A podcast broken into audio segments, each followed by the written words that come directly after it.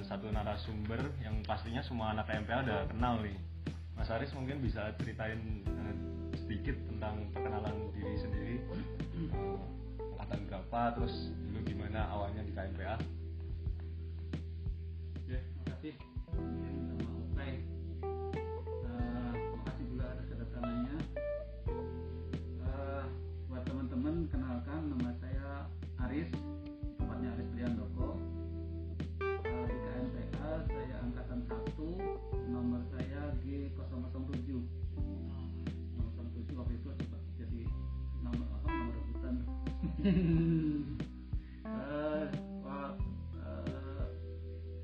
Waktu di KMPA awal mungkin ceritanya nanti aja sekalian ya Ya, mau sekarang eh boleh sekarang. Eh, boleh sekarang.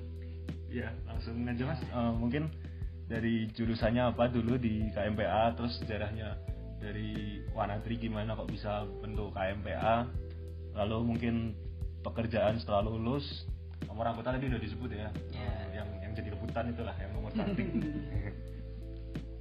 oke silakan. Ya emang bener. Dulu tulisannya KMPA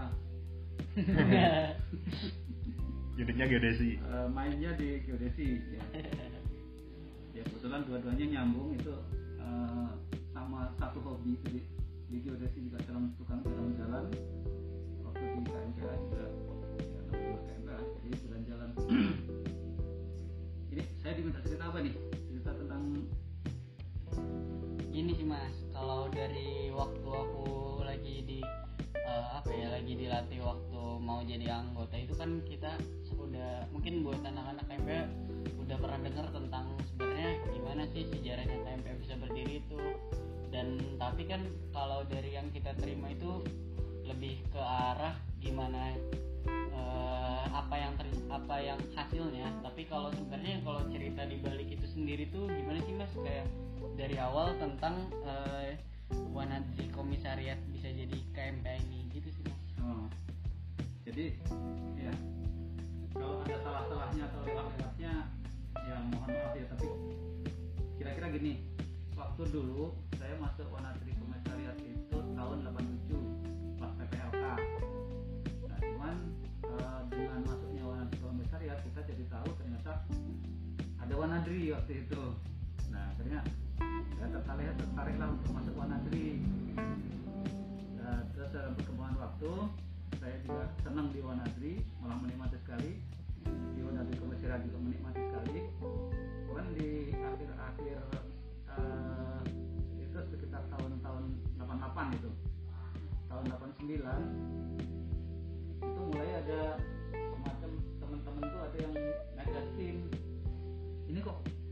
ITB nggak punya eh, pendidik alam sendiri sih. Sementara teman-teman dari kampus lainnya baru punya. Memang nggak enaknya kalau waktu kita di komisariat itu kalau mau buat kegiatan itu izinnya tuh dari ITB dan dari pusat. Mana dari pusat maksudnya? Kalau kadang-kadang kita buat kegiatan tidak nggak tanpa, tanpa pengetahuan mana dari pusat itu suka jadi masalah. Memang ada sih yang apa DP yang yang mempermasalahkan tapi ada juga yang mempermasalahkan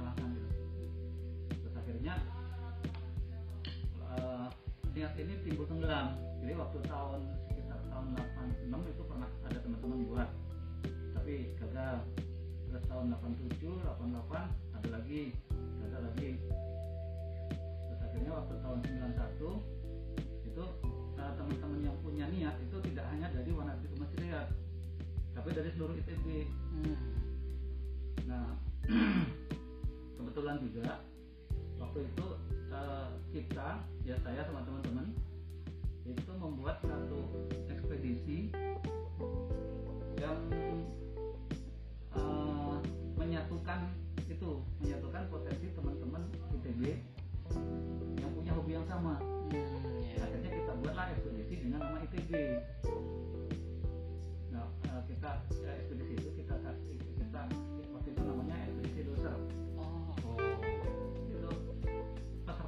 intinya dari sivitas akademika oh, iya. kalau e, dari sebelum itu mas kalau dari Mas Ari sendiri ngerasa nggak sih? Kan kalau anak-anak ITB zaman sekarang nih aku nggak tahu sih mungkin mentalnya beda sama orang dulu atau gimana tapi banyak yang ngerasa kalau wah akademik ITB itu yang namanya sulit sulit sulitnya lah. Tapi kok bisa sih mas e, dibalik balik eh, ngehadepin akademik itu masih tetap mau capek-capek buat buat ngedirin KMP gitu. Itu gimana ya mas? Eh, kalau mungkin ya memang beda kali ya. Kalau zaman dulu kan masa kuliah itu lebih panjang dari sekarang. Dan kuliah juga eh, apa namanya waktu itu ada yang sangat serius dan waktunya cepat bisa empat kalau dulu empat tahun, tapi paling lambat itu setengah tahun dulu tapi ada juga yang empat tahun udah beres ada juga tapi ada yang delapan tahun baru beres juga ada juga. Nah ada orang-orang yang maniak Iman kalau kalau masa-masa itu sekarang juga pasti ada sih. Ada orang-orang tertentu yang maniak. Nah orang-orang itu yang sebenarnya jadi semacam eh, apa ya toko kunci gitulah Ah, semacam provokatornya gitu. Nah waktu itu lanjut ke ke sejarah tadi ya nah dengan ngumpulnya kita kita yang eh, berniat yang sama eh, akhirnya lama-lama ide itu makin eh, menguat. Makin membesar makin menguat. Tapi tidak sampai ke tidak belum di, belum diteruskan. Terus akhirnya kita buat ekspedisi ekspedisi jalan.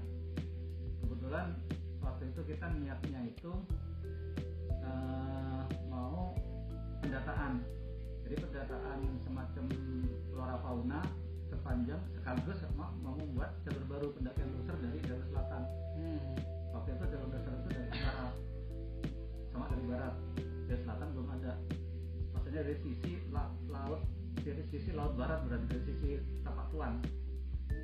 Itu belum ada waktu itu. Cuman ya eh, ekspedisi itu udah kita siapkan matang sebenarnya. Tapi ada pulang sempat blank lagi nggak ada pembicaraan.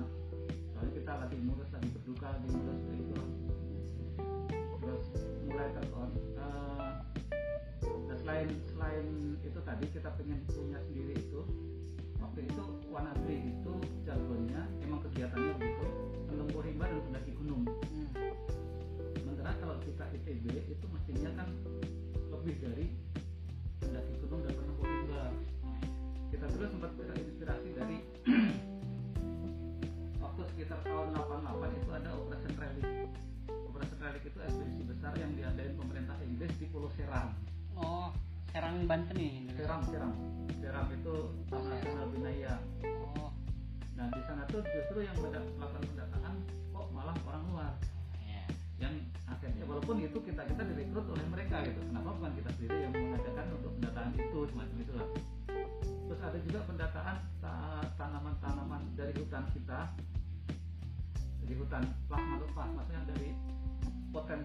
hutan kita namanya hutan itu kan sebenarnya potensinya banyak ya tapi kita nggak tahu kan Hmm. ketika hutan itu udah ditebang habis potensi kan hilang kan ya Nah, sebelum hilang waktu itu ada ekspedisi oleh tapi aneh anehnya ekspedisi yang orang ngadain orang orang Thailand Hmm. bukan orang kita juga. ya Nah, si plasma macam-macam plasma itu diamanin sama mereka dibawa pulang.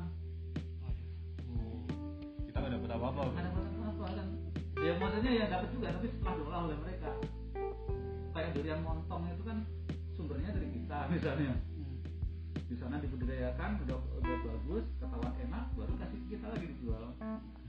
nah semacam itulah nah kita waktu itu sangat kurang gitu ya orang-orang yang mau meneliti hutan kita sendiri Hmm. kayak fotografi aja yang paling terkenal waktu itu Alain Kompos orang Prancis kita sendiri belum belum kepikiran gitu maksudnya. Jadi tapi untuk kegiatan berpetualangnya sudah sangat bagus. Waktu itu Wanadri dan Mapala UI yang pelopornya sampai sekarang sih masih masih mereka.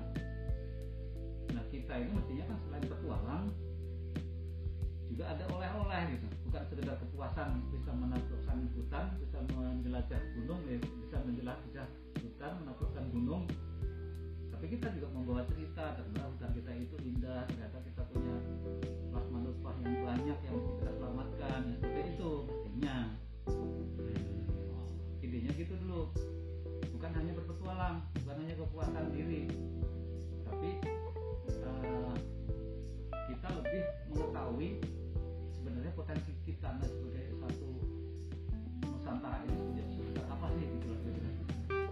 ada lingkungan hidupnya gitu ya, Ya.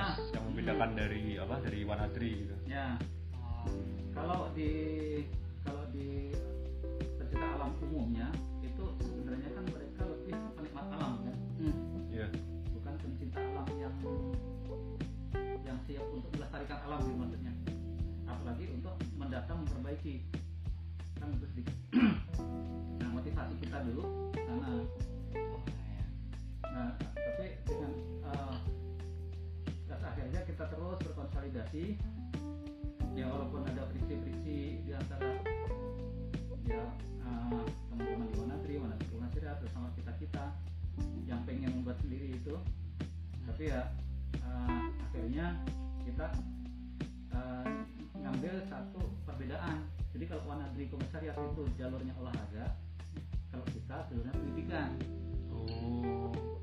itu waktu itu apa namanya ya ininya lah semacam solusinya lah gitu Oh, iya. iya sih mas. Walaupun kegiatannya mirip. Kalau awalnya gitu. Awalnya. Itu yang yang yang tokoh-tokohnya itu ya semua angkatan pertama. Hmm. angkatan pertama itu ada 40 orang. Oh, tapi itu ya memang sebagian besar dari warna di rumah syariat tapi yang dari luar banyak juga. Dari teman-teman ITB yang dari luar warna di rumah syariat hmm. Kalau bidang apa eh, mungkin kayak medannya gitu ya Mas. Kalau sekarang kan kita KMPA ada gunung hutan, ada susur gua, ada panjat tebing sama arus deras. Kalau zaman dulu lingkungan hidup itu apakah sebatas awalnya dari gunung hutan dulu lalu berkembang ke tiga subdivisi lainnya atau gimana? Eh, kalau dulu jadi kegiatannya itu lebih ke perkuat ke- sebenarnya kan kalau kegiatan ke alam ini kan bisa dipisah waktu itu ya ke hobi Hmm. terus polisi advokasi Hmm. sama ke eh, community based development Hobi, advokasi, komdev. nah, Oke. nah si hobi itu baru ada hutan ada orat ada tebing Hmm. ada ya macam-macam lah pokoknya yang yang masuk ke hobi Yang lebih ke sport mungkin ya Mas. nah wah, Kalau advokasi sama community development? kalau advokasi itu semacam Greenpeace Hmm. Oh. kalau komdev itu semacam eh, WWF Hmm. Jadi kita eh, ke satu kayak kita diberi kasih. Itu komdev jadi kita membangun ber- eh, belajar untuk mencari daya dukung alam. Hmm. untuk melihat daya dukung alam dan kita membangun sesuai dengan eh, daya dukung alam yang ada. Itu komdev tapi eh, kalau waktu dulu tuh eh, sistemnya orang-orang nih punya fokus satu fokus sendiri gitu atau emang semua orang belajar buat semua tadi dari yang atau Kalau di- gitu mas. kalau di awal itu semua orang belajar. Jadi kita waktu itu awal-awal ya kebetulan teman-teman kita itu banyak yang aktif gitu. Jadi kita kerjasama dengan BKKSDA kerjasama dengan Greenpeace terus bersama-sama waktu itu ada ya Yayasan Indonesia Hijau Yayasan ya tetap itu kita kita apa namanya kita temenan semua lah gitu. Hmm. sama mereka termasuk tadi kita belajar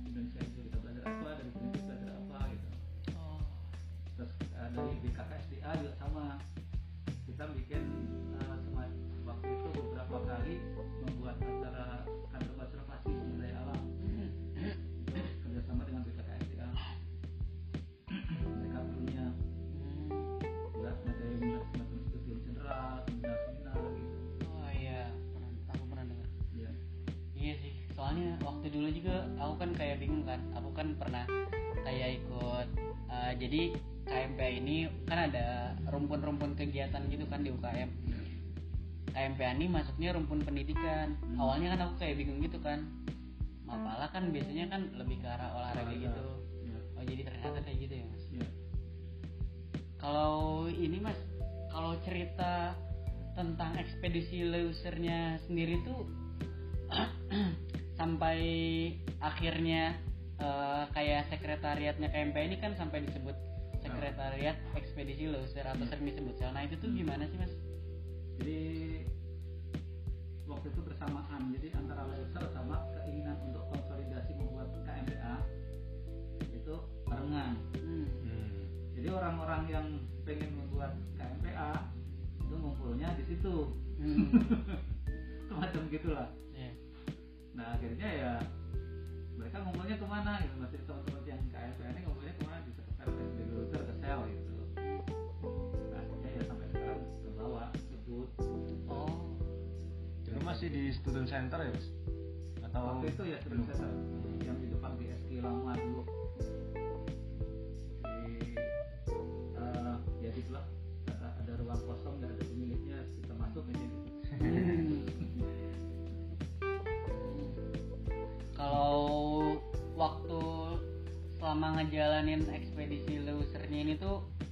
buat Mas Aris dari semua proses baik itu eh, sebelumnya sampai eh, jadi lai- eh, sampai jadi semua cerita ini tuh eh, apa sih yang paling menarik menurut Mas Aris dan jadi hal yang paling terkenang gitu Mas? Eh, maksudnya dari ekspedisi lusernya Ya. Eh, apa ya kalau dari segi kegiatannya sebenarnya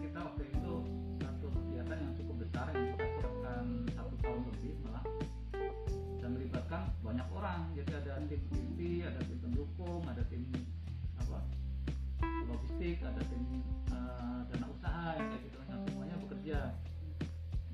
Terus waktu itu ya karena background si ekspedisi ini atas nama ITB ya backgroundnya macam-macam juga. Ada yang dari jurusan biologi ada yang geologi ada yang ya saya geodesi kayak gitulah. Nah misi-misinya juga banyak. Sesuai misi masing-masing gitu. Oh, nah cuman kalau yang karena ya apa namanya ekspedisi ini nggak berjalan bagus yang terkesan itu justru waktu kan kita tuh masuknya ke area ke kawasan tempat tinggalnya si habitatnya harimau Sumatera Hmm.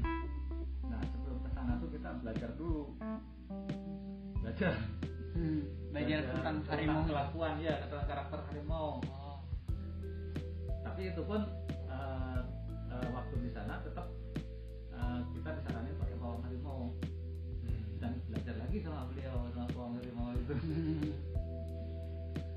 itu yang cukup ini, yang cukup ya kita jadi lebih kenal mau kenal lah gitu. Ternyata ternyata harimau tuh kayak gini. Kelakuannya kayak gitu dan kita untuk eh, untuk biar bisa selamat ketika masuk ke kawasan harimau gimana gitu.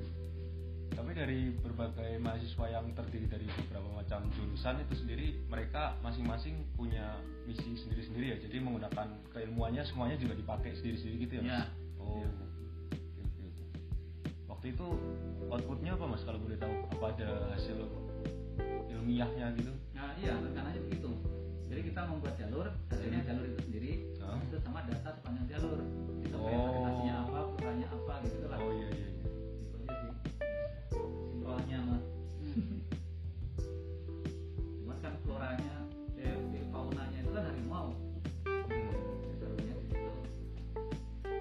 Dari kata sekretariat ekspedisi Leuser, kalau kita lihat kegiatannya kan bisa disebut ekspedisi ya mas. Hmm. Cuman kalau di ADART itu katanya ada ekspedisi, ada operasi. Jadi nggak nggak semua kegiatan KMPA itu bisa disebut ekspedisi. Nah itu sebenarnya definisi dari ekspedisi itu sendiri apa sih mas? Yang terencanakan punya misi.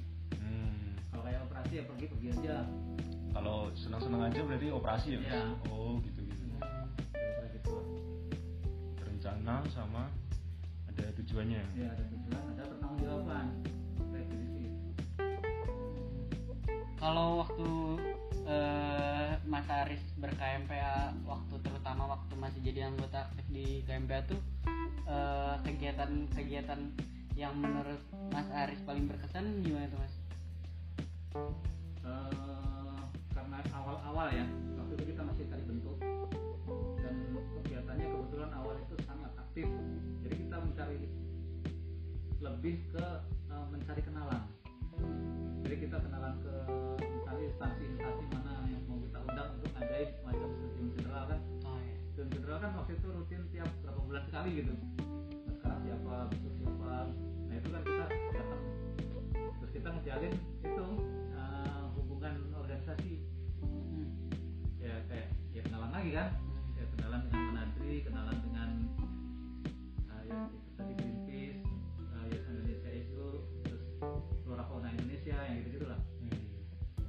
dari situ kan sebenarnya kita itu muncul ke apa ya semacam kepercayaan diri gitu Hmm.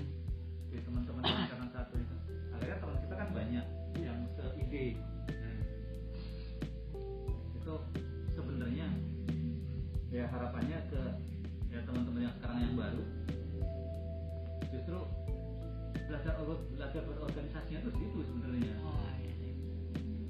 jadi kita nanti misalnya eh, membuat satu misi misi apa pun dalam hidup ini gitu gimana kita cara menjalankan si misi itu itu kan tergantung kemampuan kita untuk meyakinkan orang lain Hmm. Iya. dan tergantung kita membuat tim jika itu sudah bisa kita jalankan dan kita bisa meyakinkan orang mudah untuk dijalankan tapi kalau kita nggak bisa belajar itu masa datang ke siapa mau apa bingung gitu Iya. ya nggak jadi jadi kan skill leadership ya mas. nah munculnya dari situ kita melatih diri benar-benar melatih diri dan kalau kita datang masih dengan nama mahasiswa itu orang menerimanya mudah Hmm.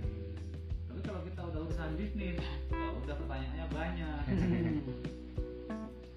apa untungku apa untungmu kamu siapa Iya. Nah itu menarik juga mas. Berarti eh, kita sebagai mahasiswa, apalagi mungkin kalau sebagai membawa nama ITB itu kan banyak dikenal orang di Indonesia itu eh, sebenarnya potensi yang sangat besar ya untuk melakukan kegiatan-kegiatan besar gitu di iya KMPA. iya sebenarnya kalau kita datang nama nama ITB gitu udah mudah sekarang Apalagi mungkin ada jaringan saya atau alumni KMPA Ya, itu sendiri yang ya, di ya. berbagai organisasi besar Ya. gitu. Hmm. jadi manfaatin aja Siap. Harus dioptimalkan ini. dimaksimalkan lah Eh, kalau dari Mas Aris kan selama ini kan eh, salah satu ada acara KMPA tuh kan contohnya ada Dies Natalis juga kan kayak ya, eh, ulang tahun KMPA dan ya.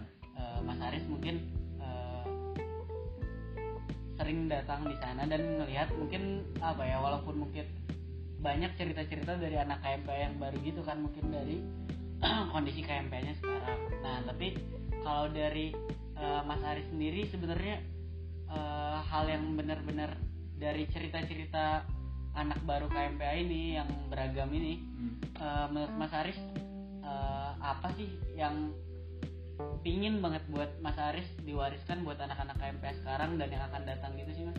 Kayaknya gimana ya Mas? Eh, diwariskan aku belum mati kok diwariskan Oh iya Mas. salah salah diksi Mas, salah diksi maaf. Ya diturunkan ya kira-kira ya ah iya maksudnya itu.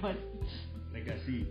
Eh, kalau eh, kita kan sebenarnya awal itu membuat budaya ya jadi kalau satu satu organisasi itu yang bisa diwaris apa, apa bisa bisa di apa namanya bisa diturunkan bisa di itu budayanya kan budaya budaya budaya itu bisa budaya baik bisa budaya buruk Hmm. Nah, budaya buruknya ya mungkin ada tapi uh, mudah-mudahan di KMK ya KMK sedikit lah. Tapi kalau budaya baiknya tuh ya kayak uh, uh, pertemanan, persaudaraan, terus kesetiaan Hmm. itu budaya baik. Terus percaya diri, terus menjadi apa namanya leader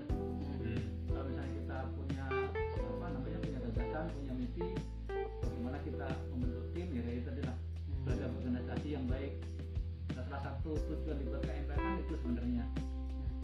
Jadi kita belajar berorganisasi nah, berorganisasi itu kan sebenarnya ya itu tadi menjalankan satu misi. Misi itu bisa misi pribadi bisa misi bersama. Gimana caranya biar biar kita punya misi ini bisa berjalan sesuai dengan apa yang kita rencanakan. Nah kalau masih masih mahasiswa kan eh, menjalankan misi ini gagal atau berhasil atau setengah berhasil kan nggak masalah.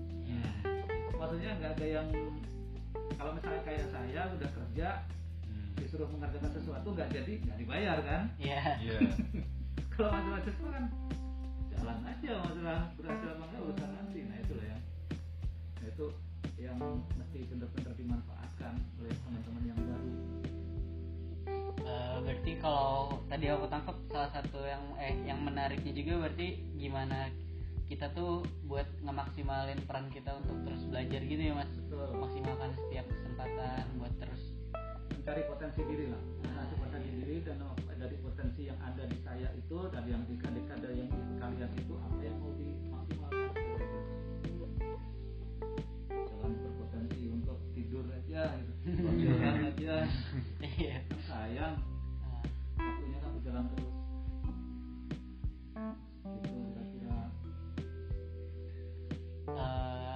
ini sih kan tadi kan kita udah ngebahas yang serius-serius gitu ya mas. Hmm, kalau dari eh, ini kan semua anak KMP mungkin udah pada eh, denger cerita lah tentang mas istri Mas Aris juga kan a- anggota KMP juga kan. Hmm, nah sebenarnya kok bisa sih mas gitu? Sebenarnya ya gitu lah hmm. banyak yang pengen tahu cerita-cerita santainya gitu sih mas Apa ada dekat dari sebelum ini, sebelum ada ekspedisi Leuser atau di situ cinloknya di di Aceh gitu atau gimana mas? Eh, waktu itu kan yang waktu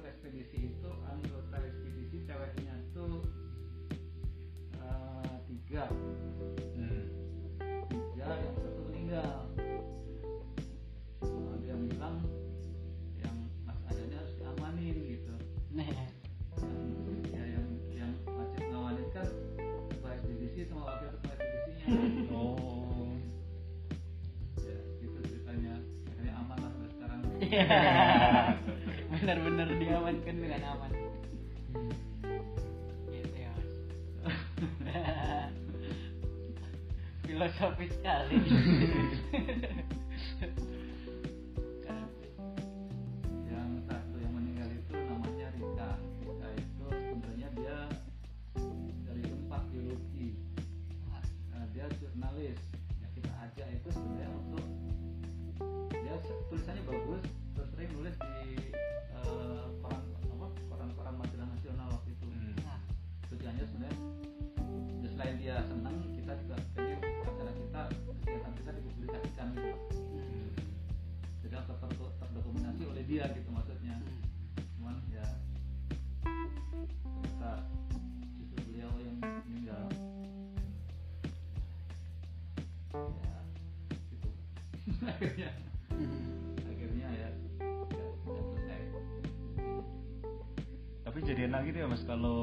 suami istri hobinya sama gitu kan. Kalau mau pergi-pergi bisa bareng. Apalagi anaknya nih buktinya sekarang anaknya masuk KMPA juga nih. Jadi dua generasi gitu. minimal pakai debat dulu kalau mau pergi. Oh gitu. Bener-bener. kalau misalnya yang satunya senangnya di rumah atau senangnya ke mall. Yang satu senangnya ke hutan misalnya.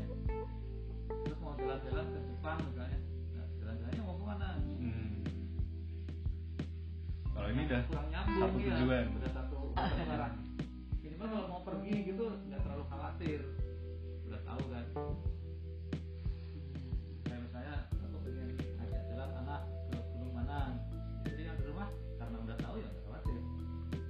Tapi kalau istri nggak ngerti tentang ke situ ya maksudnya ini bukan contoh yang harus dicontoh ya. Maksudnya sisi enaknya. Iya iya iya.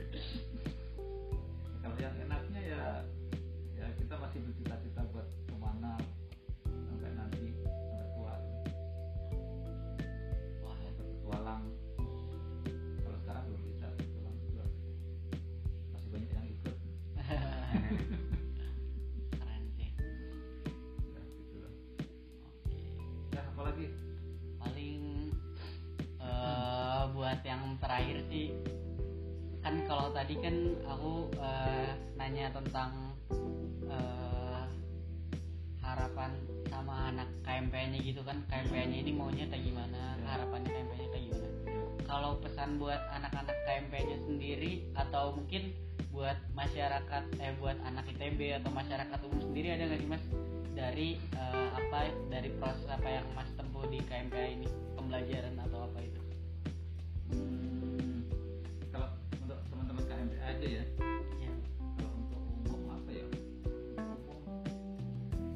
Eh, mungkin mas tadi kan mas? Ya jaga bumi kita. Nah, gitu. ya. karena aku lihat mas. Iya.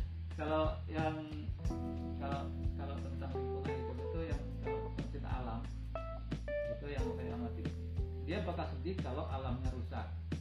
Ya. Karena tempat mainnya rusak. Itu motivasi satu kan kalau kalau dia kayak misalnya kita arum jeram gitu atau lalat atau oras sekarang apa sih namanya Oran. oras ya Harus Suara jelas. oras jelas ya kalau misalnya di situ dipotong-potong jadi PLTM kan Hmm. tempat mainnya nggak ada ya atau tiba-tiba sampah di mana-mana tempat mainnya nggak ada Betul, betul, betul. akhirnya eh, atau misalnya ke gunung semula di situ dia lewat hutan kebun lalu lewat kebun terus hutan lama-lama kebun cuma sampai puncak. Ya kan nggak rame kan? Alamnya jadi rusak. Apalagi yang semula arum jeram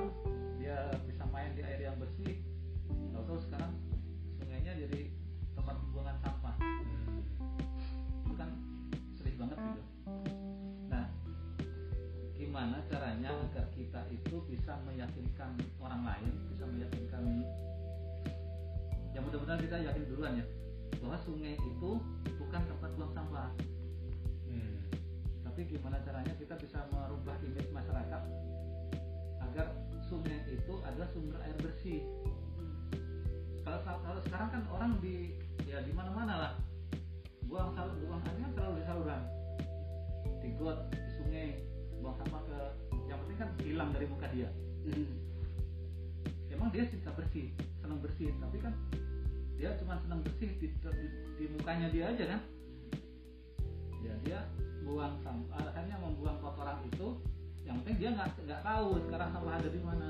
Itu kan sebenarnya dolim gitu dia maunya bersih tapi sebenarnya memindahkan masalah itu ke yang lain. Jadinya bukan menyelesaikan masalah. Jadi eh, kalau misalnya ada ide ya itulah gimana caranya? Yang paling yang paling berat itu sekarang gimana caranya kita merubah eh, opini ya atau merubah budaya lah. Bahwa sungai itu tempat buang sampah itu. Kita ubah jadi sungai itu menjadi tempat eh, apa namanya eh, sumber air bersih ya. Kalau bisa itu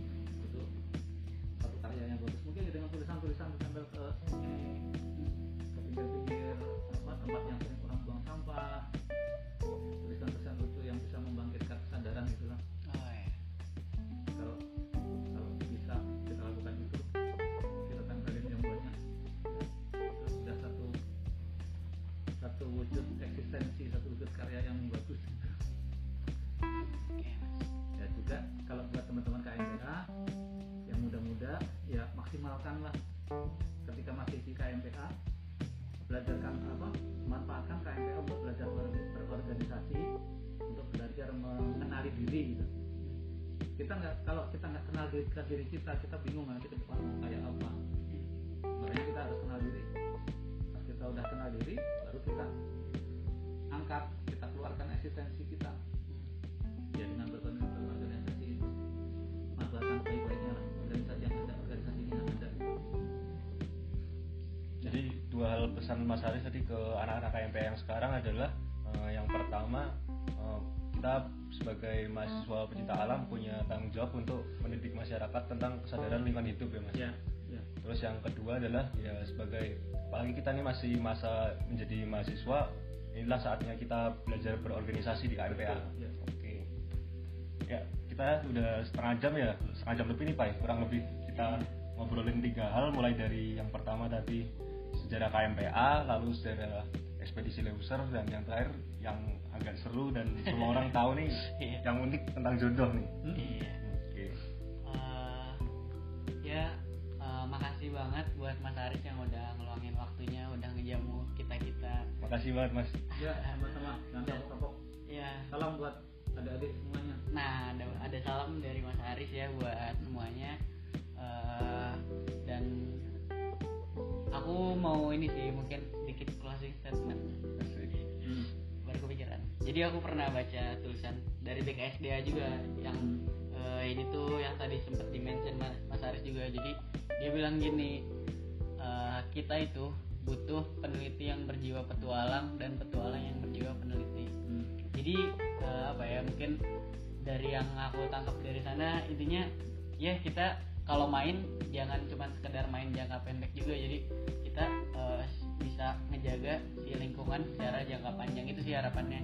Dan tadi juga kan yang Mas Ari sampaikan juga contohnya tadi ke arah sana kan. Jadi eh, pokoknya semangat buat semua orang. Eh, jangan lupa buat eh, terus belajar. Dan juga jangan lupa dengerin podcast podcast selanjutnya. Iya. makasih ya Mas Aris Sama-sama. Sandin dan saya Opai kami berdua pamit. Sampai jumpa